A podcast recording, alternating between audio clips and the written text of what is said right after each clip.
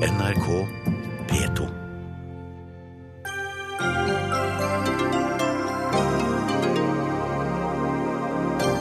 Ny integreringsplan fra Arbeiderpartiet, SV, Senterpartiet, KrF og Venstre. Må absolutt ikke forveksles med integreringsavtalen Arbeiderpartiet, Senterpartiet, KrF, Venstre, Høyre og Frp inngikk for et halvt år siden. Vi betaler for den billige juleribba med dyre reker på sommeren, og lønnsøkningen din er for lengst spist opp av en rekordhøy prisstigning.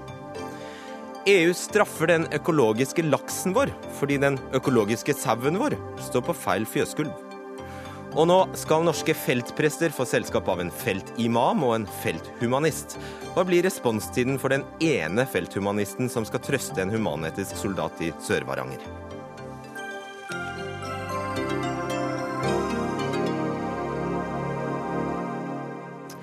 Riktig god kveld og velkommen til Dagsnytt 18. Jeg heter Fredrik Solvang. Ja, I dag la den sentrum-venstre, eller venstre-sentrum-tankesmien Agenda fram perspektivnotatet Ti bud for bedre integrering. Det 52 sider lange dokumentet er utarbeidet og signert av Venstre, KrF, Senterpartiet, Arbeiderpartiet og SV og noen forskere, og inneholder ti forslag, eller bud, som skal sørge for bedre integrering. Stortings, enn så lenge, stortingsrepresentant for SV, Bård Vegar Solhjell. Du ble bedt om å lede arbeidet med dette notatet da tankensmien Agenda foreslo å nedsette et tverrpolitisk utvalg høsten 2015. Og nå er det altså ferdig. Hva er hensikten med dette arbeidet? Å lage en ny og bedre integreringspolitikk. Det, det kommer til å dominere Norge i tiår framover. Vi blir mer mangfoldige. Da må vi jo bli et sterkere verdifellesskap. Og vi må sørge for integrering fra dag én. At de som kommer hit, får jobbe, får utdanning, kan bli en del av det norske samfunnet. Og det vi har gjort, det er å samle politikere fra fem partier, som, og jo òg partier som har flertall på Stortinget. Det vil si at det, hvis, det, hvis det blir enighet om det her, hvis landsmøtene vedtar det, så kan det bli satt ut i livet. Og, det, og vi har jobba sammen med forskere, noe som har blant de fremste forskerne på ulike deler av feltet. Og Det gjør at jeg mener det er langt mer kunnskapstungt dokument enn mye annet jeg har vært borte i politikken. Så dette er altså en snubletråd for Høyre og Frp, siden det jo ble inngått et integreringsforlik på Stortinget, der ja, det var vel bare SV og MDG som ikke var med der? Det skal nok mer til å få de til å snuble. Og det, var, det har ikke vært snubling som har vært vårt mål, det har vi aldri snakka om heller. Men en sterk følelse av at vi trenger å fornye og tenke langsiktig om integreringspolitikken vår. Så, at, så hva var dette integreringsforliket da? Jo, det var viktig. Og en, mye av det, jeg tror kanskje alt nesten er vi jo stort sett enige om. Det er enkelte punkter er, der, det, der, vi har litt ulikt syn og prøvd ut nye ideer. Men vi ser mye lenger og har mange flere forslag. Jeg, la meg ta et konkret eksempel. Barnehage står det ganske lite om i det integreringsforliket. Vi foreslår at alle barn skal ha rett til barnehageplass fra de kommer til Norge. Tenk deg en flyktning, en fireåring fra Syria. Forskjellen på om den bor med sin familie, treffer andre, snakker arabisk i to år, så skal begynne på skolen, står på mottaket og venter, til om den går i barnehage, lærer norsk og kan norsk godt når den begynner på skolen. Det kan være to forskjellige livsløp. Og Det er sånne ting, de store, viktige løftene som trengs for god integrering, vi har prøvd å ta tak i. Men så har vi òg et verdifellesskap der vi skiller oss sterkt fra Frp, f.eks. Interessant det med verdifellesskapet. Sveinung Rotevatn, stortingsrepresentant for Venstre. For dere er jo så troløse at dere den ene dagen altså inngår et integreringsforlik med Høyre og, Høyre og Frp, og den andre dagen finner dere altså dette fellesskapet med SV, bl.a. Og vi har forsøkt å sammenligne disse to dokumentene, altså integreringsforliket som ble inngått i desember, og dette notatet dere kommer med i dag, og vi finner ikke så mange steder der det faktisk er kollisjon, altså der, der det ikke er sammenfall. Hva kan det komme av? Det kan jo komme av at det heldigvis er en eh, ganske stor konsensus på Stortinget om mange av de viktigste grepene i integreringspolitikken. Eh, og Venstre på Stortinget var med på integreringsforliket, i likhet med f.eks. Arbeiderpartiet. Men eh, jeg har også valgt å delta i denne arbeidsgruppa til Agenda, fordi jeg har lyst til å se enda lenger framover. Og jeg ble eh, særlig interessert når jeg fikk høre at vi skal jobbe mye tett på forskere som har oppdatert kunnskap rundt mange av de viktigste utfordringene i integreringspolitikken. Og Derfor har jeg vært med å utarbeide det notatet her, og så gjenstår det å se hvor stort gjennomslag det for i mitt parti og i andre parti. Du må jo kunne spørre seg om, det ikke, om hva poenget var. Det virker jo ikke som det er skrikende behov siden for, et, for, dette arbeidet dere har gjort, siden, siden det altså er sammenfall? Jo, men der er det som Solhjell sier, at vi går inn på en del områder som integreringsforliket ikke går inn på, og som jeg mener er veldig viktige. Et eksempel på det er at jeg mener det er veldig viktig at du skal få muligheten til å jobbe når du kommer til Norge, og har stor sannsynlighet for å forbli her mens asylprosessen pågår. Det er viktig for integrering, det er viktig for språkopplæring, og det er noe som integreringsforliket ikke tar opp. Åh, jeg er så glad du sa det, fordi det gir en så fin overgang til Arbeiderpartiet og stortingsrepresentant eh, Jette Christensen. For når det gjelder akkurat dette her å innvilge arbeidstillatelse for asylsøkere som, eh, som, ikke har fått eh, endelig opphold, hva mener ditt parti egentlig? Nå er det sånn at det er vanskeligere å få eh, arbeidstillatelse enn det å få asyl. Det er forskjellige regler. Ja. Det mener jeg er feil. Derfor har jeg vært med på eh, å utvikle denne eh, politikken og dette notatet, der det, det forslaget du refererer til, står. Arbeiderpartiet har en annen politikk. Men jeg er ikke i politikken for å gå i takt med partiet mitt 24 timer i døgnet når jeg er satt ned, blitt, eh, blitt invitert til å sitte i et utvalg eh, som skal utforme ny politikk for framtida. Dette her er noe som jeg har lyst til å ta med meg tilbake igjen til Arbeiderpartiet og diskutere der. Mm. Men du vet altså hva dommen over det Altså det, Dette var et forslag fra opposisjonen eh, som i siste liten ble stanset eh, av Senterpartiet. Slik, eh, eh slik var omkvedet. Og da var begrunnelsen Husker du hva begrunnelsen den gangen var? Jeg vil, ikke, jeg vil ikke, sitere eh, Senterpartiet eller andre politikere i fare for å si feil.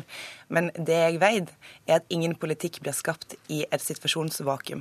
Nå er også situasjonen annerledes. Da har vi muligheten til, til å heve blikket og tenke lenger. Det, det forslaget vi kommer med nå, det har aldri blitt lagt fram i Stortinget. For vi foreslår at grupper som har høy innvilgelsesandel, der vi vet at nesten alle får bli, som syrere og eritreere, de skal få jobbe med en gang. Da er ikke konflikten med innvandring, altså at mange skal tilbake, en særlig stor.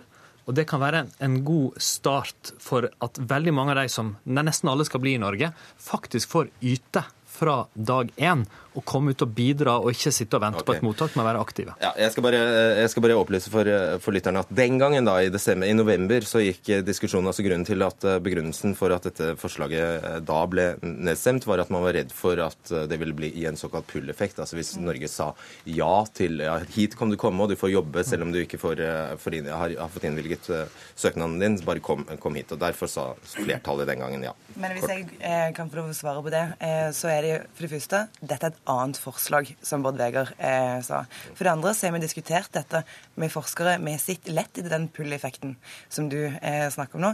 Og i det, i det forslaget vi har formulert, så har vi ikke funnet det. Det eneste vi har funnet, er at dette vil gjøre det enklere å integrere folk, og det vil gjøre det enklere å få folk inn i arbeid, og det er målet. Ålreit. Du vil si noe veldig kort, Rotevatn? Altså, dette er jo den store fordelen med den arbeidsmetoden vi har valgt. Å sitte sammen med forskere som kan mye om fagfeltene sine. Da slipper du å tro og bekymre deg, men du kan faktisk vite. Og den modellen vi har valgt, så handler om å gi folk muligheten til å jobbe og integrere seg, er ganske lik den de har i Tyskland, som har vært vellykka der. Og jeg håper at det er noe som et flertall på Stortinget etter hvert kan komme til å gå inn for. Nå ga du en veldig betryggende beskrivelse av lovprosessen slik den ellers er da i Stortinget. Helt uten fagfolk. Det er greit. Innvandringspolitisk statsmann i eh, Fremskrittspartiet, eh, Masiar Keshvari, du var på pressekonferansen der dette notatet ble lagt fram, og din dom var eh, snakk og selvfølgeligheter? Ja, altså Hvis vi ser på det ordnede, så er det veldig mange hyggelige ting som står der, som alle kan støtte. Bli integrert fra dag én, eh, vi skal dele samme verdier, komme ut i arbeid osv. Eh, men det er jo ikke konkretisert noe særlig. Og integreringsmeldinga, fordelen med det var at mange av de punktene er helt, slik, eh, altså helt, riktig slik NRK har gjennomgått, sammenfallende. Men der konkretiserer man jo hvordan man vil eh, få til disse tinga. Eh, det er allikevel to punkter som det virker som er Sa du ikke imot deg selv nå? Nei, altså, Integreringsmeldinga er jo veldig konkret, med konkrete forslag på hvordan man skal få det til. De punktene som er utarbeidet i denne rapporten, hvis man leser underteksten der, så er det ikke noe konkretisering. Det er veldig mye selvfølgeligheter og hyggelige ting, og jeg kan skrive under flere av dem her og nå med en gang, eh, om det var det om å gjøre. Så fint da. Ja, det er kjempeflott. Eh, kjempeflott. Eh, så er det to punkter eh, som tilsynelatende virker som de er konkrete, og som de har fått veldig mye oppmerksomhet på. og Det er da hijab i barneskolen og nikab i skolen. Også de to punktene eh, er jo veldig spesielle. For eh, Bård Vegar Solhjell er jo eh, veldig klar på at det skal ikke være noe hijabforbud i norsk skole. Og dette er jo en øvelse, og den type utspill har jo disse partiene, spesielt Arbeiderpartiet og SV, hatt gjennom en årrekke, uten at de har gjort noe som helst annet enn å få oppslag på det. Men du vil bare klargjøre Du vil ha det? Du vil ha ja, et forbud? Vi har foreslått det. Litt rart at det ikke står i disse integreringsforliket du skrev under på, da? Ja, vi har fremmet det forslaget senest i fjor. Litt rart at det ikke står i det forliket forliket hvis du, hvis du, mente det var så viktig? Forslag vi har fremmet og blitt nedstemt, er jo ikke vits i å legge inn i en eh, melding, spesielt når vi er i regjering med et annet parti som ikke ønsker det. det poenget, er, poenget, er, bare at det, eh, daværende kunnskapsminister eh, Kristin Halvorsen også tok til orde for å ta ut hijab ut av barneskolen ja. uten at det skjedde. Vil... Så, det, så dette er noe de gjentar for å gi et inntrykk at de vil gjøre noe strengt, men når man leser hva de faktisk foreslår, så er det ikke noe konkret der. Hva er det dere, er det dere foreslår på nikab og hijab, siden vi er inne på det? Kan jeg bare si at Det er utrolig positivt hvis det vi har skrevet er hyggelig og selvfølgelig for et bredt politisk flertall. Eh, for en rekke for mye av det er konkret og vil forandre og forbedre norsk integreringspolitikk. På arbeid, utdanning, barnehage, eh, bosetting, you name it. Så til de to punktene du er mest opptatt av. Jeg tror det er galt at Stortinget skal vedta et forbud mot et bestemt klesplagg. Mm. Men i dag er det helt motsatt, nemlig at det er helt opp til den enkelte skole om barn bruker hijab eller ikke. Det vi foreslår, det er nasjonale retningslinjer som sier at vi skal jobbe mot det og som gir en retning for hvordan skolene skal snakke med foreldre. Oi, Det hørtes enkelt ut å være skole med nasjonal retningslinje som Nei, sier hvordan er, vi skal jobbe mot det. Det er ganske vanskelig å være skole, men det vil bli litt enklere hvis man veit hva målet er, nemlig å begrense eller hindre bruk av barnehijab, men ikke forby det eller ha sanksjoner mot det. Da kan du snakke med foreldre, informere om det, finne ut om det er frivillig eller kanskje med tvang, som vi vet forekommer. Okay. Og det vil gjøre det, det, er galt at jenter skal gå med et skaut, et plagg for å skjule seg når de er små. Men vi må finne en fornuftig måte å gjøre det på. Og det som er Forskjellen mellom oss og Frp her, det er at Frp har snakka i år etter år etter den problemstillinga her, okay. og aldri fått til noe. Greit. Nå er vi fem partier som har blitt enige om et helt konkret forslag som kan settes ut i livet. Et helt konkret forslag om retningslinjer. Ja. Ok. Uh, Forby nikab i skolen, og som hovedregel også i offentlig sektor og i kontakt med offentlige organer. Hadde jeg vært nikab-bruker, så hadde jeg blitt veldig forvirra. Hva betyr det? At jeg kan troppe opp på postkontoret på Tøyen og bli nekta postepakken min, men eh, det er greit, bare går jeg til Majorstua postkontor, så får jeg postepakken min. Hva betyr det? Nei, Det betyr f.eks. Eh, det har vært en del saker eh, som handler om folks kontakt med Nav, der spørsmålet om identifikasjon Eh, og maskering har vært oppe, der vi sier at det bør ikke være slik at du eh, skal sitte og maskere deg i møte med Nav. Eh, det samme problemstillingen har vært oppe i universitetet og høgskoler. Ja, men det er jo ingen opplisting av yrker der nikab er OK. Hvorfor ikke? Fordi at Det er ikke slik at utgangspunktet i samfunnet at du lister opp ei liste med der det er lov å gjøre noe. Ja, Men da betyr jo dette punktet ingenting. Jo, det betyr at f.eks., eh, mener jeg, og mener utvalget, så skal det ikke være slik at du i en undervisningssituasjon på en universitet eller en høgskole skal kunne maskere deg, for det er helt praktiske grunner til at sånn bør det ikke være. Det står ikke det engang. Det er det utvalget mener, og det er det som ligger i formuleringene, det, er det, som ligger, det, er det som ligger i formuleringene rundt nettopp det med heildekkende eh, plagg og maskering. Jeg bare sier, altså, når det står, eh, når det står eh, som hovedregel også i offentlig sektor og i kontakt med offentlige organer, så skulle man kanskje kunne forvente at dere spesifiserer hva det betyr. Men det har dere altså ikke gjort. Men det er ganske mange områder i denne rapporten der vi peker ut en retning, og der vi sier noe om eh, verdibudskap og hva vi mener skal ligge til grunn for integreringspolitikken framover. Det betyr ikke at alt er utforma i forskrifter og lovtekst og i detaljer. Noe går vi langt i detaljer på, noe er eh, mindre detaljert, men retninga er klar i alle kapitler. Ja, altså det, det, er det som er problemet, der de også blir sånn noenlunde konkrete. Når det gjelder nikab i skolen og heldekkende plagg, så har vi allerede praksis som forbyr det. Nei, nikab. Ah, ja, eh, der har jo en rekke Oslo-skoler sagt og fått støtte fra alle hold om at det holder ikke. Man er nødt til å ha nonverbal kommunikasjon også eh, med elever. Så der slår de inn åpne dører. Når det gjelder det store problemet som er i Oslo-skolen, det er jo hijab. Der vil du ikke gjøre noe annet enn å ha noen retningslinjer, sånn at eh, ifølge utvalgets leder man kan ha samtale med foreldre, og det kan man jo i dag. Den regjeringa han støtter, de vil gjøre ingenting. Jo, Null. vi har frem- Nei, vi har nei, fremmet Keshvari, det ikke forslag om å- om å forby, du- eh, nikab i det offentlige rom. Du har snakka om det, dere har foreslått det, men regjeringa du støtter og integreringsministeren vil gjøre null. Det vi gjør nå, det er å foreslå konkrete ting som kan settes ut i livet, som balanserer ulike hensyn. Det er det jeg utfordrer deg på, da, at det ikke er konkrete. Kan ikke settes Jo, ut i livet, for det står ikke hvilke Nei, yrker du f.eks. enhver mener man lov- kan bruke hijab i enhver og lov må ha et mer detaljert arbeid enn et utvalg har nå. Men jeg har en utfordring til Keshvari. istedenfor å alltid prøve å ja, fjerne seg fra det, hva med heller at han kom til oss og sa OK, her er jo et interessant initiativ, kanskje de skal kaste på det, istedenfor å stå på sidelinja og snakke uten at noe blir gjort. Men, men det kan jeg gjøre her og nå. Hvis vi fremmer et forslag om eh, hijabforbud i Oslo, eh, altså i norsk eh, barneskole, og hvis vi fremmer et forslag om forbud mot nikab i det offentlige rom, kommer Sosialistisk kommer Venstreparti til å stemme for det da? kommer vi til å gå imot, for det er et dårlig forslag. Men det her er et godt forslag. Vi, vi, vi er et godt forslag som kan bli satt ut i livet, i motsetning til at du har prata om det i år etter år. Jette Christensen, hvilket punkt er du mest fornøyd med? Jeg er mest fornøyd med det punktet som dreier seg om lønnstilskudd.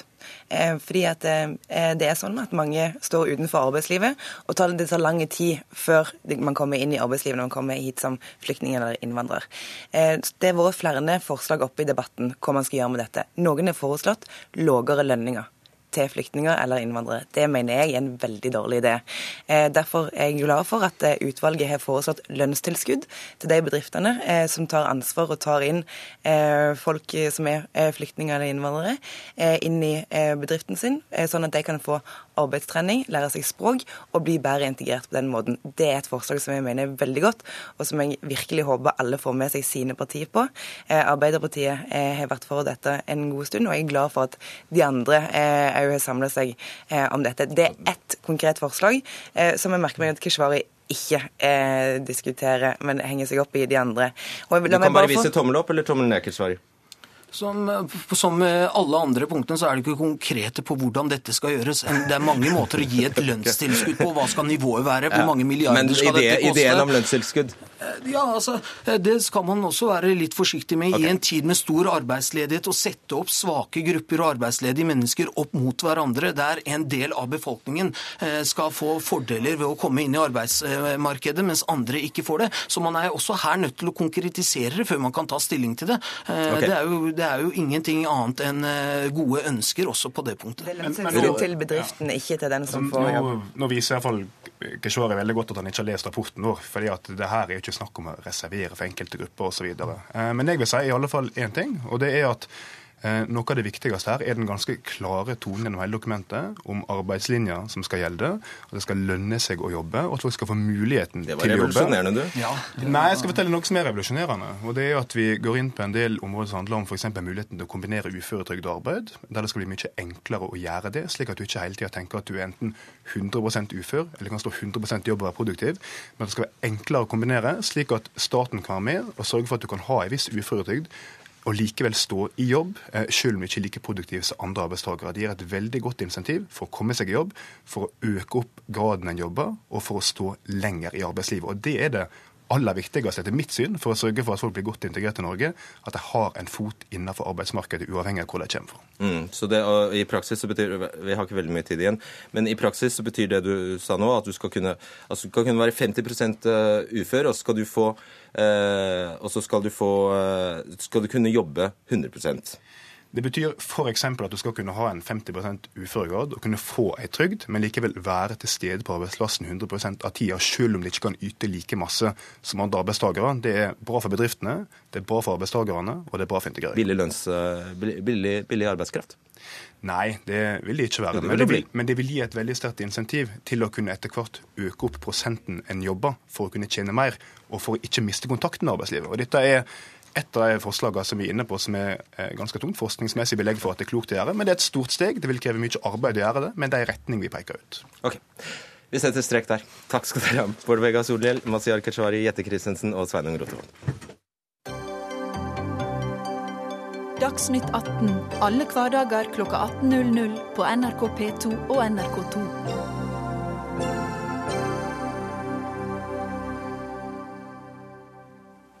Visste du at du betaler for den eh, billige juleribba med dyre reker nå på sommeren?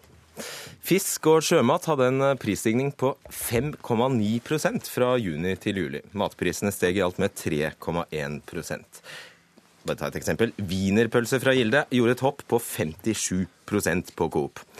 Og når sommeren kommer, hopper matvareprisene, og i år er, nesten, er hoppet nesten dobbelt så høyt som snittet de siste ti årene. Landbruks- og matminister Jon Georg Dale fra Fremskrittspartiet, tror du er grunnen?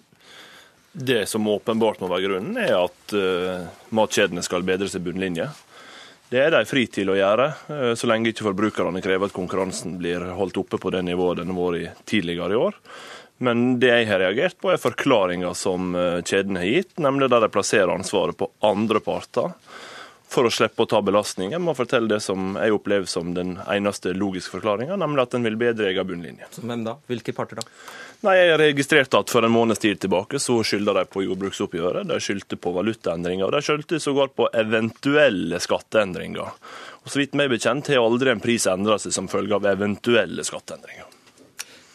Greit. Uh, Ingvild Størksen, du er utsendt på vegne av disse kjedene. Du er direktør i Virke dagligvare og organiserer jo mange av dem. Uh, ja, Dere sier i dag at tallene fra Statistisk sentralbyrå viser at det er høy konkurranse og lav prisvekst. Hvordan, hva slags briller er det du har på da? Altså, Vi ser jo det at konsumprisindeksen generelt går opp. Så ser vi det at det skyldes mye valutaendringer, det skyldes kronepris for mange bransjer. Eh, det er sånn at Man kan selvfølgelig velge et enkelteksempel på en vare og et enkelteksempel på en måned og beskrive virkeligheten ut fra det. Det er en hel eh, liste. Det, det blir for enkelt. Du valgte reker, f.eks. Der har det vært priskrig på. I Oslo har det vært nærmest halv pris i forhold til tidligere somre. Så, det har vært priskrig på ostepop også? For poenget er det eh, at ser du på konsumprisindeksen generelt, og i hvilken grad matvareprisen har økt, så har vi i større grad klart å holde prisveksten nede. Ser du på hele året under ett, øker matvareprisene mindre enn prisene gjør på året i andre bransjer. Og Det er jo et tegn på at konkurransen er sterk. Vi ser at i denne måneden, ja, det er helt riktig, prisene gikk opp. Eh, det gjør de vanligvis på denne tiden av året. Ja, det er også riktig at denne svingningen var litt større eh, enn den pleier å være. Motsatt har vi òg tall fra andre måneder eh, hvor prisen har sunket helt klart mer enn den pleier å gjøre. Nettopp pga. priskrig på den type varer du nevner. Right, det, Dale. Altså, det stemmer jo det at dere har prøvd dere. Dere har prøvd dere på å legge skylda på bøndene. Eh, det som ble svart eh, for en måned siden, eh, var opplevde jeg som en, en, teoretisk beskrivelse av hva som kan spille inn på prisendringer. Eventuelle avgiftsendringer ble nevnt, det er sant. Jeg kan ikke si at det har en forklaring. Når det gjelder jordbruksoppgjøret, så har jo statsråden helt rett i at det har en liten, veldig liten del av forklaringen der. Det som er tilfellet, er at vi er helt avhengig av mange gode norske kvalitetsråvarer i norske butikker. For ellers så kommer ikke norske kunder. Det er det de vil ha. Ja, hva er din hovedforklaring da? hvis hvis du utelukker bøndene, hvis, du, hvis du utelukker valuta, hvis du utelukker alt alt Jeg utelukker ikke valuta, snarere okay. tvert imot. Jeg sier at vi eh, i større grad enn andre bransjer har klart å holde prisvekst som følge av valuta mer ned. Eh, vi ser jo det at leverandørene i månedsvis har varslet at her kommer det til å komme prisøkninger, nettopp pga. at innsatsfaktorene til de blir høyere. Ja, det, det, er prisverdig at Virke nå endrer den eh, forklaringa som kjedene ga tidligere i år, eh, og faktisk er tydelige på hvor ansvaret ligger. Jeg ser ikke bort fra at valutaendringer påvirker matprisene. Men det er altså sånn at matprisene nå vokser nesten dobbelt så mye som gjennomsnittet de ti siste åra, til tross for at flere faktorer trekker i motsatt retning. Ikke på årlig basis, taler. Eh, jordbruksoppgjøret er nok Ikke på årlig basis? Jo, jo, også på årlig basis har vi også nå en høy, relativt høy prisvekst på 3 og det er eh, lavere det enn konsumprisindeksens eh, økning på 4,4. Det er lavere enn konsumprisindeksen, men det er altså flere ting nå som trekker i motsatt retning enn høyere pris. Jordbruksoppgjøret er billigere enn på ti år. Skatte- og avgiftsregimet er betydelig endra de siste åra. 18 milliarder i skattelettelse til bedrift og vanlige folk.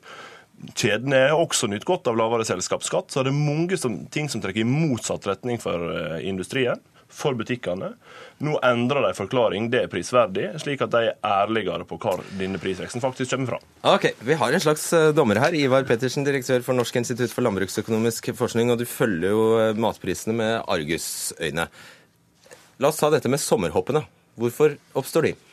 Bare en ørliten korreksjon. Jeg er nå forsker i NIBIO. Vi er fusjonert, som eh, landbruksministeren her vet godt om. Ja, Da må du fortelle hva NIBIO står for. Norsk institutt for bioøkonomi. Alright. Um, denne juli-begivenheten er en årvis begivenhet. Uh, Det er tida for justering av matpriser. Uh, Både justeringer av mer teknisk art, uh, som er avtalt mellom kjedene og leverandørene, og det er tida for implementering av jordbruksavtalen. Prisendringene ifølge jordbruksavtalen. Og så endrer kanskje konsumentene litt atferd. Eh, Man eh, trenger da ikke bruke så mye lokkevarer, kanskje, som man har brukt tidligere. Dette fører til et prishopp, og kjøpmennene har på en måte som sitt fag å utnytte den typen anledninger til å øke marginene sine. Så når jeg setter, nettopp, så når jeg setter det på spissen og, og sier at eh, vi nå betaler for den svinebillige juleribba, så stemmer det. Det, det kan stemme. Jeg tror at man skal være lite opptatt av juliøkningene. Man skal tenke årsbasis og trendene på sikt. Det er- det som gjør meg urolig. Det er ikke noe trøst for meg at matvareprisene øker med 3,5% på årsbasis, mens konsumprisindeksen øker med 4,4 At eh, strømpriser osv. og klær og skotøy har økt kraftig. Det har ingenting å si for hvordan vi skal vurdere matvareprisene. Jeg er bekymret for den langsiktige prisøkningen på matvarer i Norge. Som viser hva? Det, jeg mener at 3,5 er høyt. Eh, Vi har jo hatt eh, lønnsøkninger nå som ligger kanskje i underkant av det. Vi har høy produktivitetsvekst i dagligvarehandelen. Vi er vant til å se veldig gode tall på produktivitetsvekst. Vi har fått fusjon i dagligvarehandelen mellom Ica og Coop. Skal gi rasjonaliseringsgevinster. Og eh, matvareindustrien investerer som aldri før i mer rasjonelle anlegg. Dette skal gi seg utslag i mer moderat prisstigning enn 3,5% Jeg tror heller ikke valutakursene kan forklare det. Stø kan ikke det, nei. Eh, Størksen, altså ifølge eh, dette, dette var en sak som gikk, altså, eh, som gikk på nettet tidligere, altså i fjor. Dagligvarekjedene melder selv til eh, E24 at det hovedsakelig er fire årsaker til at prisene skrus opp i fellesferien. Prisendringer fra leverandører, som Orkla, statlige avgiftsøkninger, landbruksoppgjøret og valutaendringer. Og det eneste som mangler på den lista, er jo grådighet. Nå er Det sånn at det de svarte på var hva er det som gjør at priser vanligvis øker på denne tiden. Eh, og, og Da er det jo riktig at det er de fire faktorene det normalt forklares ut fra. Eh, det var eventuelle avgiftsøkninger, det har ikke kommet. Eh, som sagt På jordbruksoppgjøret så har det en veldig liten betydning. Men det er nå sånn at når man velger å legge å øke målprisen framfor å legge på ramme, så velger man jo nettopp å øke prisen. Men dette er veldig, veldig lite i år. Eh, Så i, i, når det gjelder juli, syns jeg eh, at jordbruksoppgjøret har en forsvinnende liten del av Ok, Okay, Pettersen, snakker hun seg vekk her? Hva er det hun gjør? Nei, jeg, jeg tror um, Altså, det er uh, på en måte ingenting å bebreide noen for at de er uh, Man kaller det grådige, men de er egentlig forretningsorientert. Det skal de være. Og landbruksministeren sier også det, at det er ikke noe, det er ikke noe anklage at man legger på pris for å øke marginer. Det er det full tillatelse til. Men landbruksministeren har ansvar for at trykket på denne næringen, f.eks. fra konkurranse utenfra, og regjeringen har ansvar for at trykk på denne næringen er tilstrekkelig, slik at de effektiviseringsgevinstene som denne næringen tar, kommer forbrukeren til gode. Det er jeg bekymret for ikke finner sted. Og jeg tror på en måte eh, Virke trenger ikke å bortforklare at man er ute etter økte marginer. Det, det er helt greit, det. Men okay. det må skaffes et trykk. Det er jo sant som Pettersen sier. Altså Egentlig så sitter du her og, og demonstrerer din impotens i full skrudd. Du, du får ikke gjort noe med dette. Altså, du, kan si at du, ikke, du, kan si du ikke liker det, men får bare ikke gjort noen, noen ting med det. Det er markedet som bestemmer. Ja, det er forbrukerne som bestemmer hva konkurranse vi utsetter butikkene for. Og vi skal være glade for at ikke vi holder oss med politikere i Norge som har tenkt å bestemme prisene fra dag til dag. Tross alt så fungerer markedet best. Det vi gir lavere priser over tid enn politisk styring ville gjort, det er jeg helt overbevist om. Men så er det jo som butikkjedene sa eh, tidligere i juli, at forbrukerne er mindre prisbevisste i sommermåneder enn de er ellers i året, og det gir rom for å ta ut økt pris da. Og Da må oppfordringa være at forbrukerne må være akkurat like prisbevisst i juni og i juli som de er resten av året. Og nå legge trykk på matkjedene. For det virker her i dag egentlig gir de helt annen forklaring enn de dagligvarehandelen ga sjøl for en måned tilbake. Det er prisverdig, men da syns jeg likevel at en kunne vært tydelig på at det en faktisk har gjort. En innsett at den forklaringen en ga, ikke holdt. Mm, og dere, eh, ja, jeg skal bare si, Størrelsen, altså Vi så jo kjøpmenn stå med krokodilletårer i TV-ruta og si at de så- solgte, solgte smågodt eh, med tap for bare, eh, for bare litt siden. Og de, de krokodilletårene får jo, ser jo litt annerledes ut nå, da, når vi får vite at de tar jo igjen dette. Eh, Jeg må nesten først få lov å svare statsråden. Fordi at, Hvis du lover å svare på det spørsmålet. spørsmål. Det skal jeg. Eh, Først så er det jo sånn at eh, denne prisøkningen eh, det flukturerer jo med et jevnt mønster gjennom året. Stort sett hvert år ganske likt. Eh, Og når det gjelder årsaken til at prisene vanligvis går litt opp på denne tiden, så er det de fire forklaringene som pleier å ligge til grunn i varierende grad. Det er riktig. Eh, Og så ser de år ut på en måte, og i andre år ut på en annen måte. Eh, Når det gjelder det, det du kaller for krokodilletårer, det er jo helt riktig eh, at man har solgt varer med eh, liten eller negativ avanse, altså rett og slett direkte med tap. Eh, Og det sier jo seg sjøl at det ikke er noe som er bærekraftig å gjøre på sikt. Samtidig ser vi òg at en rekke av de varene som man eh, har hatt sterk priskonkurranse på, eh, har man jo ikke fått opp igjen prisen på, nettopp fordi at folk er så veldig prisbevisst. Ja, da har man jo bare har- i tilfelle skutt seg sjøl i foten. I Norge har vi jo ekstremt prisbevisste kunder. Det er jo nettopp derfor konkurransen er blitt så sterk. Eh, Og det er nettopp derfor at prisen også har gått såpass mye ned, eh, uvanlig mye ned, i sterke kampanjeperioder som vi har hatt tidligere. Men absolutt, over tota, absolutt ikke totalt sett, fordi prisene øker 3,5% kan vi lese av eh, statistikken. Sant, men mindre enn i andre bransjer. Og det syns jeg er bra. Jeg bare avklar, ja, Du skal få slippe til på slutten her, men Pettersen, bare avklar dette her. Hvor stor del av i og med at det var på en måte utgangspunktet, hvor stor del av denne prisstigningen er det rimelig å tilskrive landbruksoppgjøret? Snakker vi prosenter, snakker vi promille? Hvor stor del? Dette er, det er en veldig liten del eh, direkte, men Landbruksdepartementet pleier å regne dette veldig moderat og nøkternt. Altså, de tenker bare på den direkte kroneeffekten for bøndene. Vi vet at når priser går opp på første ledd, så går også påslagene i kroner opp på neste ledd. Og det er, det er utløst av prisøkningen som Landbruksdepartementet og, og jordbruksavtalen har kommet fram til. Du lurte oss litt du også, da. Så det, det er, De prøver å, prøver å dempe inntrykket noe. Det er ingen tvil om at også jordbruksoppgjøret bidrar når prisene går opp på målpris gjennom jordbruksavtalen, så går prisene opp. I år vil det være anslagsvis en kvart prosent.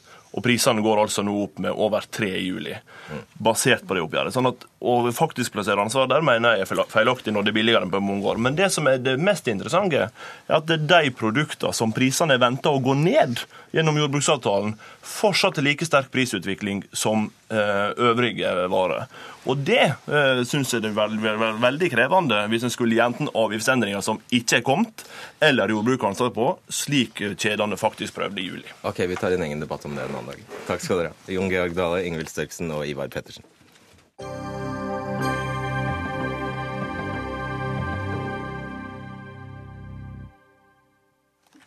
Eh, Vi holder oss for så vidt ved samme tema, for i dag har sjeføkonomene i bankene sagt ting som sjokkerende og vi bommet kraftig om prisveksten. For prisene steg altså med hele 4,4% i juli. Målet til Norges Bank er 2,5 Men den virkelig dårlige nyheten den er vel egentlig at de fleste nordmenn eh, i år får svekket kjøpekraft. Eh, For nå spiser prisveksten altså garantert opp lønnsveksten. Er det ikke sånn, Kyrre Omdal, sjeføkonom i DNB Markets? Jo, det ser sånn ut. Eh, I lønnsoppgjøret så la partene til grunn en prisvekst på rundt 2,5 Eh, Siste måned så var jo årsveksten oppe i 4,4. Den blir kanskje ikke så høy når vi ser året under ett, men det ligger an til å bli langt høyere enn det som ble lagt til grunn i oppgjøret. Så da har vi altså kjempehøy prisvekst, rekordlave renter, kjempesvak krone, relativt høy arbeidsledighet og lav produktivitet. er det noe av dette som egentlig er positivt for norsk økonomi? Eh, Det kommer litt an på øynene som ser. Mange vil jo si at det er positivt at renta er, er lav. Og det er også slik at det at vi kan ha lav rente selv om inflasjonen tar seg mye opp, tyder på at det er en betydelig tillit til eh, den økonomiske utviklingen og ikke minst den økonomiske politikken. Så, men det er nok en utfordring likevel for eh, sentralbanken å eh, holde renten så lav når den ser inflasjonen drar seg mer opp enn det som er ventet. Fordi vanligvis, med så høy inflasjon, inflasjon så skulle altså våpenet være å øke rentene. Ja, Det er det normale. at eh, Da vil man svare på, på det med økte, økte renter. Og så er kanskje situasjonen litt annerledes eh, for tiden. Ja, hva, hva er så annerledes? Hvorfor kan ikke Norges Bank øke rentene? Det at de kan gjøre det hvis de vil. eh, Det kan nok ha noen effekter på valutakursene som de ikke er så glade for. Men så er det nok først og fremst det at de ser for seg at denne høye inflasjonen varer en relativt kort periode. Og allerede gått ut, litt ut i neste år så vil de se for seg at inflasjonen faller en god del ned. Årsaken til at inflasjonen er såpass høy, ligger i stor grad i en svekkelse av kronen som vi hadde tidligere, og som har begynt å slå godt ut i prisbildet nå. Hva er sammenhengen der? Ja, vi importerer ganske mye av de varene som, som konsumeres. Og når kronen svekker seg, så blir de dyrere. Og det slår gjennom direkte. Og så er det slik at en del norskproduserte varer og tjenester de er jo i konkurranse med de importerte varene. Og når importerte varer stiger i pris, ja, så har jo norske produsenter litt rom for seg til å øke prisene og, og, marginene.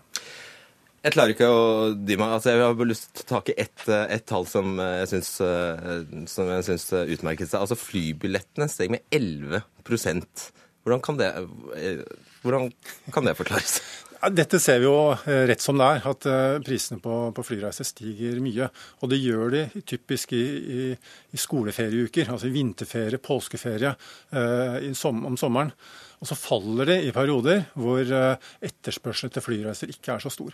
Så dette er jo markedsmekanismen. Etterspørselen etter en vare eller tjeneste er stor, altså, så svarer produsentene med å øke prisene. Mm. Um før så har man vel sagt at høy inflasjon gir lav arbeidsledighet, og vice versa. Gjelder ikke det lenger? Sammenhengen er kanskje ikke helt så, så enkle. Vi ser jo for oss at, at høy inflasjon kommer i en periode hvor det er la oss si, press i økonomien, aktiviteten er høy, og, og, og det bringer ledigheten ned. Nå er det ikke det som ser ut til å være tilfellet. Vi har en arbeidsledighet som er litt på, litt på, den høye siden, for å si det slik. Og en aktivitetsutvikling som egentlig er ganske svak. Og det går da sammen med den høye inflasjonen. Og igjen, veldig mye av dette skyldes kronesvekkelsen som vi hadde siden 2013 og, og fram til, til i fjor, eller i år. Og det har litt effekter som setter seg litt i prisene. Mm. Vi tror dette er noe som er forbigående og på vei ned. Norges Bank har anslått at inflasjonen skal ned i litt over 2% neste år. Det kan være at de justerer seg litt opp etter de siste tallene, men, men det er likevel et uttrykk for at dette er en forbigående situasjon. Og til slutt, alt dette sett under ett betyr at Norge er et mer normalt land? Det er jeg ikke så sikker på. Hvis du ser hva andre land har, så har, sliter jo de med mye lavere inflasjon og fortsatt høy ledighet. Men det kan være at vi likevel har begynt å få noen av de samme mekanismene som gjør seg gjeldende i norsk økonomi, som vi har sett, sett ute. Mm. Interessant. Takk skal du ha, Kyrre Omdal.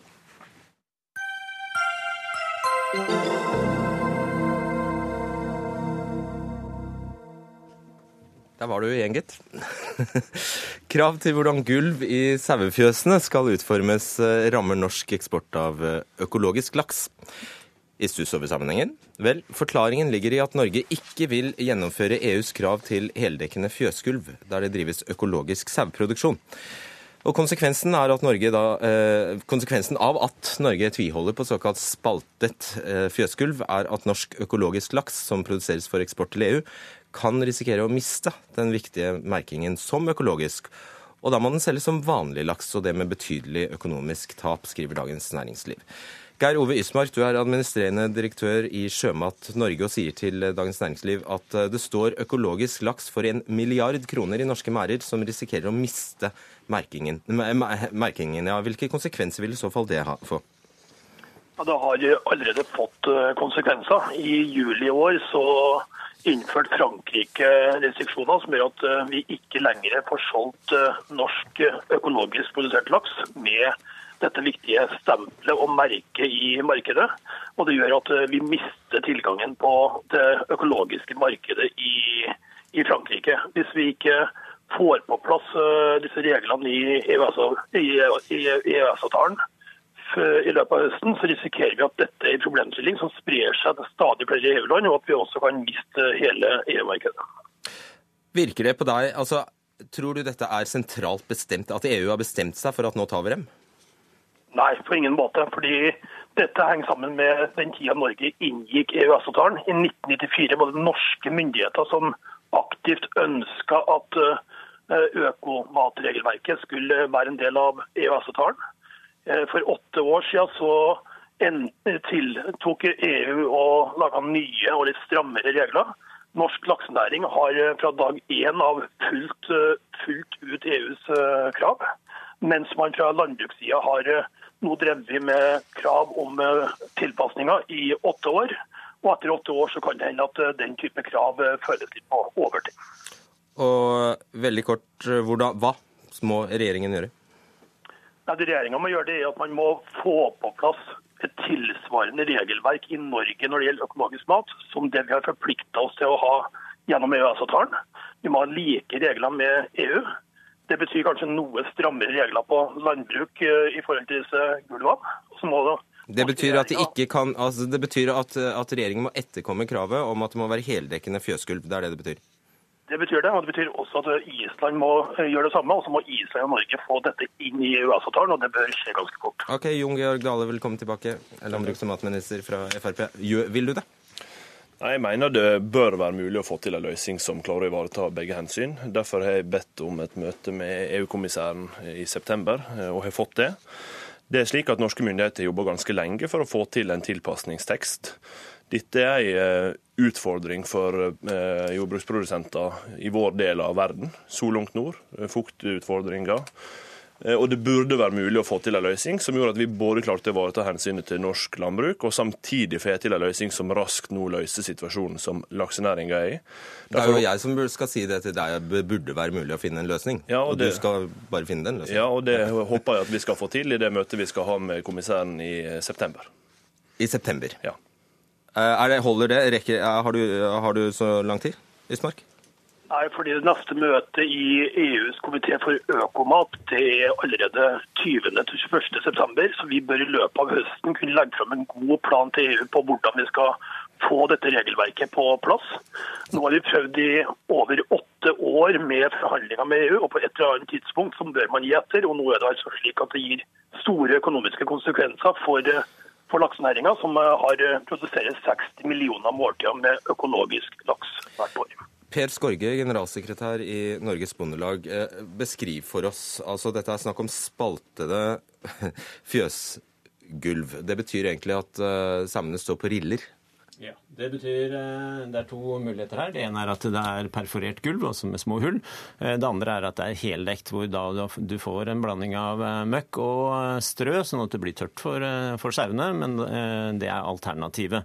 Og selv om jeg ikke har prøvd å være sau, så høres det jo ikke særlig behagelig ut å stå på eh, riller. Eh, her er også, også sauen eh, trives på begge deler, det tror jeg vi kan slå fast. Gjelder, ikke EU-sauen, naturligvis? Nei, men her er, husk på at her er det litt forskjeller i tradisjoner. Eh, men når jeg forklarer forskjellen, så tror jeg de fleste forstår hvor lite sammenheng det er mellom dette her og norsk økologisk laks. Så for meg så er det fra EUs side at de produserer en problemstilling, fabrikkerer en problemstilling og er svært svært utidig. Dette kaller jeg å produsere en handelshindring.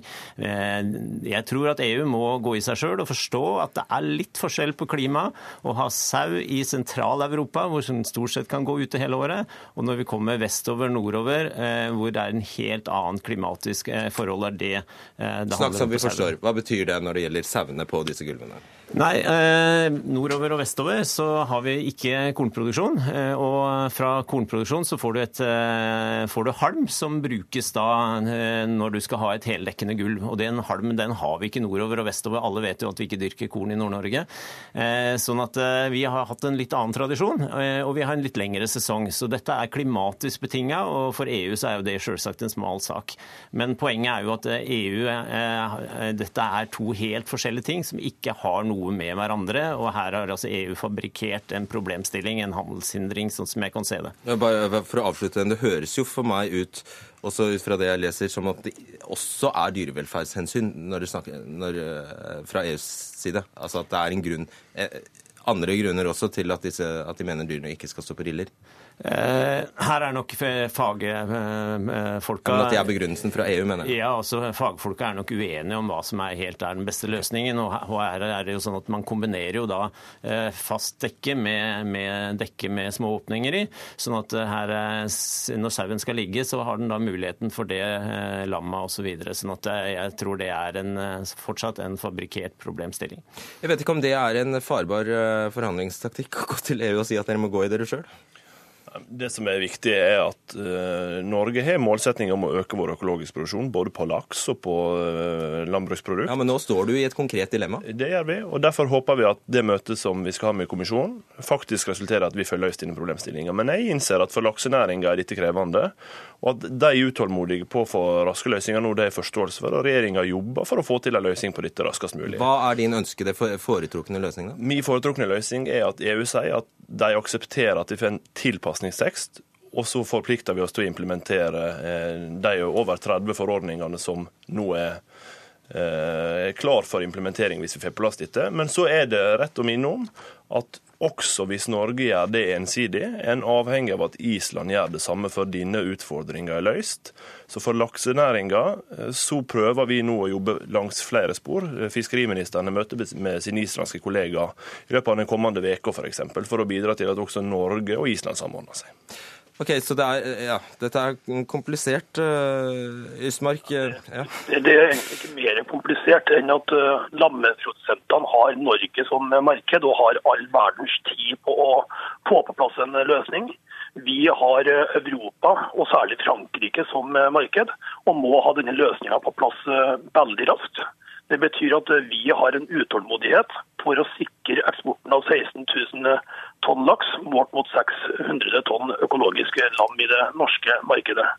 Eh, mm. Og Det betyr at vi har ikke all verdens tid.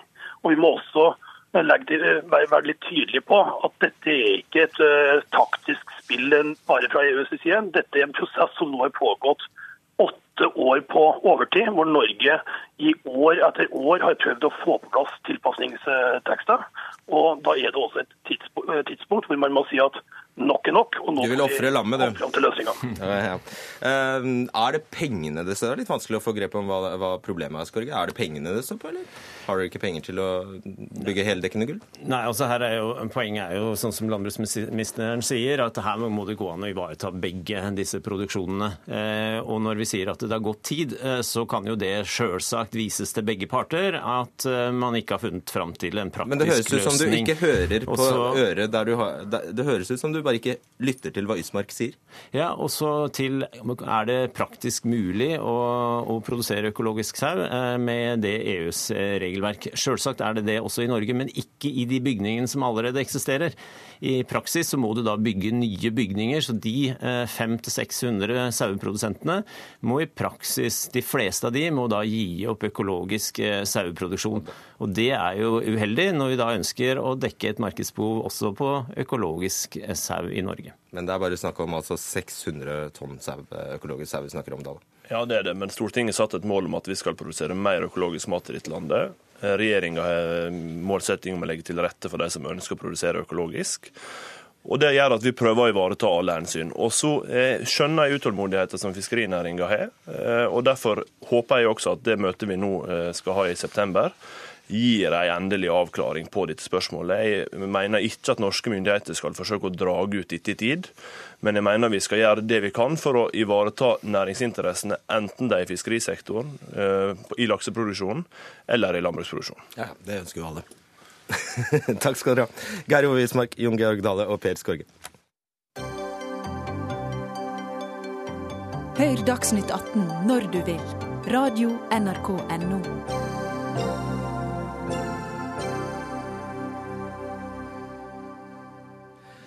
Nå skal Forsvaret få feltimam og felthumanist, og stillingene har allerede flere søkere.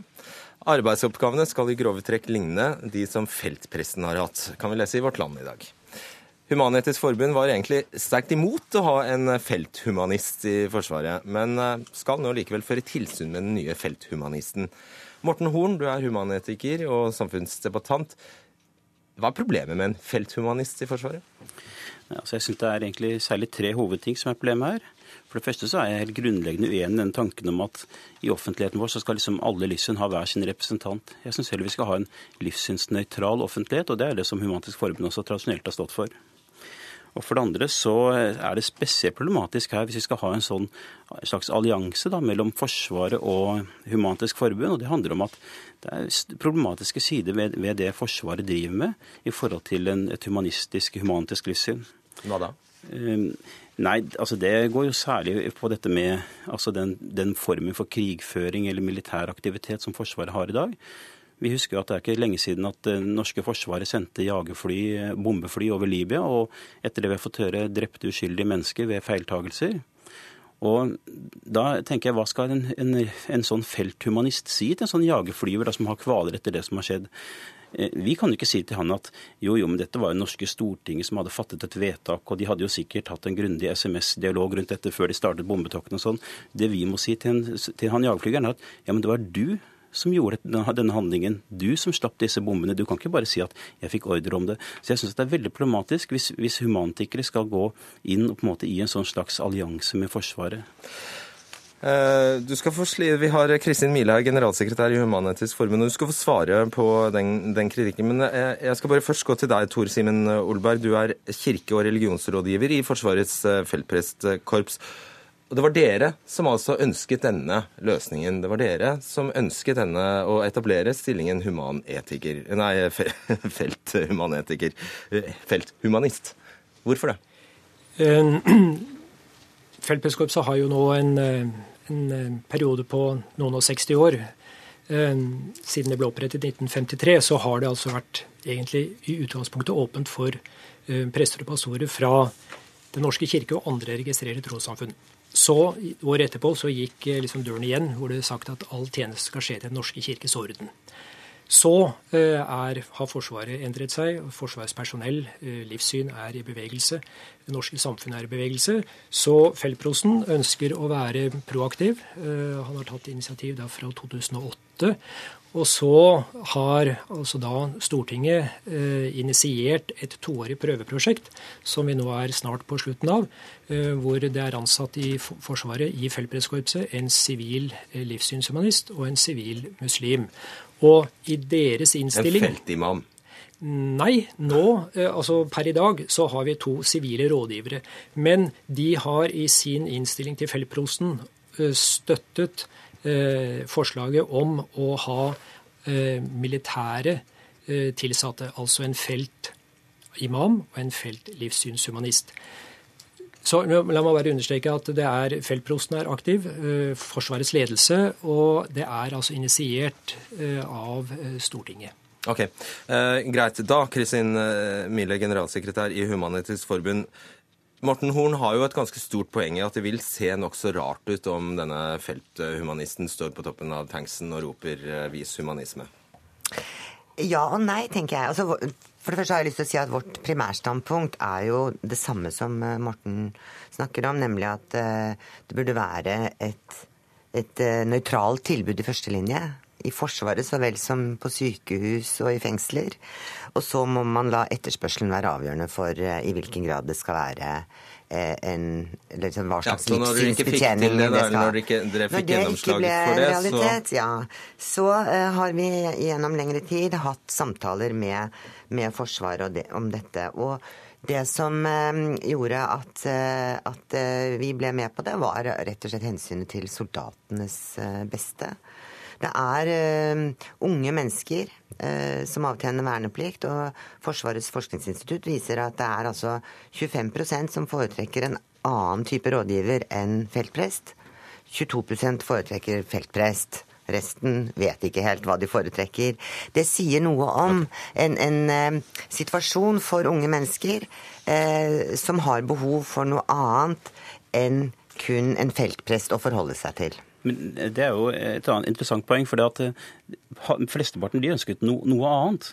Og Det er viktig å være klar over at Humantisk Forbund er jo ikke en nøytral organisasjon i offentligheten. Ganske mange mennesker opplever Humantisk Forbund som kanskje litt for f.eks. kristendomsfiendtlig og litt for sånn ampre og hele tiden skal kritisere kristendommen. Det kan godt tenkes at det finnes sekulære, ateistiske de fleste unge mennesker er jo det i dag, eh, rekrutter som trenger noen å snakke med, men som føler at Human-Etisk Forbund representerer for dem noe mer sånn, noe, noe, som ikke de kan stå for. Og Hvorfor skal ikke de ha et tilbud? Så jeg syns det er problematisk at disse eh, humanistene skal være da sertifisert og organisert ja. av Human-Etisk Forbund. Ja, skal de ha uniform? Eh, ja, de blir tilsatt eh, som offiserer og skal bære uniform og distinksjoner i henhold til det uh, sitt tro og livssyn som de da representerer. Mm. Vet du, hvor, ja, du skal, straks smile. vet du hvordan, uh, hvordan uh, folk fordeler seg i Norge på religion etter hvert? Religion og livssyn? Ehm, sånn I Forsvaret så, så, har vi nå bare noen, eh, si, eh, noen få undersøkelser.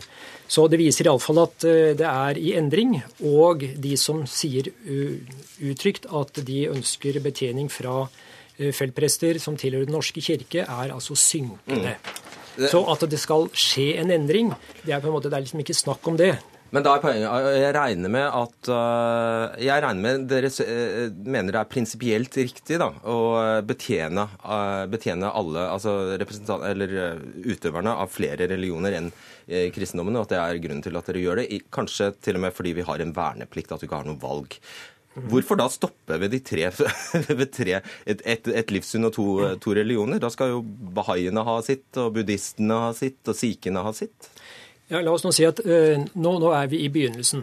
Per i dag så, så har vi hatt, i tillegg til uh, feltprester fra Den norske kirke, har vi også hatt tilsatt uh, prester fra andre frikirkesamfunn. De har vært få, men vi har de. og det har vært prester og pastorer inne til førstegangstjeneste. Så sier da Stortinget at i dette prøveprosjektet så skal det være representanter fra to signifikante grupper utenfor altså den, den kristne uh, trosfamilien. Uh, okay. Og de har da sett på disse to. Da. Så da er du bare litt uheldig hvis du er jøde og blir innkalt til vernepliktstjeneste, for da er det, det er for få jøder i Norge til at du får en slik støtte? Det, det, det vil ikke i første omgang bli tilsatt en feltrabbi du er bare uheldig. okay. Inntil videre. Ja, nettopp. Uh, ja, Mile? Ja, altså, Dette vi snakker om her, er jo noe av det vi hadde som et primærstandpunkt. Nemlig at hvis man skal ha religion eller livssyn inn i Forsvaret eller skoler eller universiteter eller sykehus, så blir det fryktelig vanskelig. Fordi alle har egentlig krav på den betjeningen de ønsker. Det er ikke realiteten nå i Forsvaret. Og når de nå vil kjøre et forsøksprosjekt For jeg har lyst til å si at det er viktig for oss at dette er altså en, noe som skal prøves ut. Det er en avtale over to år, og så skal det evalueres. Men, liten, ja. men det er altså ikke sånn at alle som er, eh, mener de er humanister eller ateister, skal forholde seg til denne felthumanisten. Nei, Det blir jo også praktisk umulig. For det lurer jeg på. Hvis du er vernepliktig på Skjold i Øverbygd, ja. uh, du er humanetiker ja. og du er i en åndelig krise, ja. hvor lang er responstiden for denne ene humanetiske Det må du spørre Forsvaret om. Men det, det, som er meningen, er at det i hvert fall skal testes ut eller prøves ut et bredere tilbud. Men det er jo ikke en plikt til å forholde seg til disse. I dag er det bare feltprestene der. Sånn at hvis du ønsker noen å prate med, du har, er i en vanskelig situasjon, eller det skal arrangeres et eller annet sosialt, så så er det feltpresten. Nå gir man den litt større bredde. Det er mener vi, til soldatenes beste. Han skal ha ganske god kapasitet av denne ene ja. personen. Ok, Horn. Men, altså, Man hører jo at Kristi Milo er jo egentlig veldig enig i dette her. så derfor jeg synes det er veldig dumt at HEF har gått inn på dette opplegget. og Jeg er spesielt bekymra for vår egen organisasjon, Humantisk Forbund. fordi vi, Man hører på disse begrepene feltimam, feltprest, feltrabbi, nevnte du. Men det finnes jo ikke noe tilsvarende for humanister at vi er et livssyn uten presteskap. Det finnes ingen eneste humanist eller humantiker i dette land som kan hevde at han er spesielt innsikt innsiktsfull eller, som, eller, eller forvalter det sentrale dogmet i humantikken. Og vi har en, en problematisk eh, tendens i vårt, eh, vår organisasjon til at noen mennesker blir litt mer eksperter på humanismen enn andre er. Og dette her er en utvikling som, som vi som eh, livssynsorganisasjon burde være engstelige for og bør motvirke, mener jeg. Ok, Olberg. Jeg vil bare presisere at uh, allerede i dag, over lang tid, så har jo altså soldater og de tilsatte har jo anledning til å snakke med uh, leger, uh, psykologer, psykiater, sosionom, utenom altså befalet og tillitsvalgte. Og de kan jo der selv gi dødsvar, være i dialog. Eller de kan, som det gjøres i dag, henvende vedkommende til en, en feltprest. Så det, er jo ikke slik at Forsvarets tilsatte ikke har noen å snakke med i dag. OK. Uh, nei, jeg ser på klokka. vi rekker det ikke. Beklager, Mille. Uh, vi, må sette, vi, må sette, strek. Det var Kristin Mille, Morten Horn og Tor Simen Olberg som fikk uh, avslutte Dagsnytt 18 i dag. Ida Tune Øresland var ansvarlig for sendingen. Lisbeth Selreite var i teknikken. Og jeg heter Fredrik Solvang.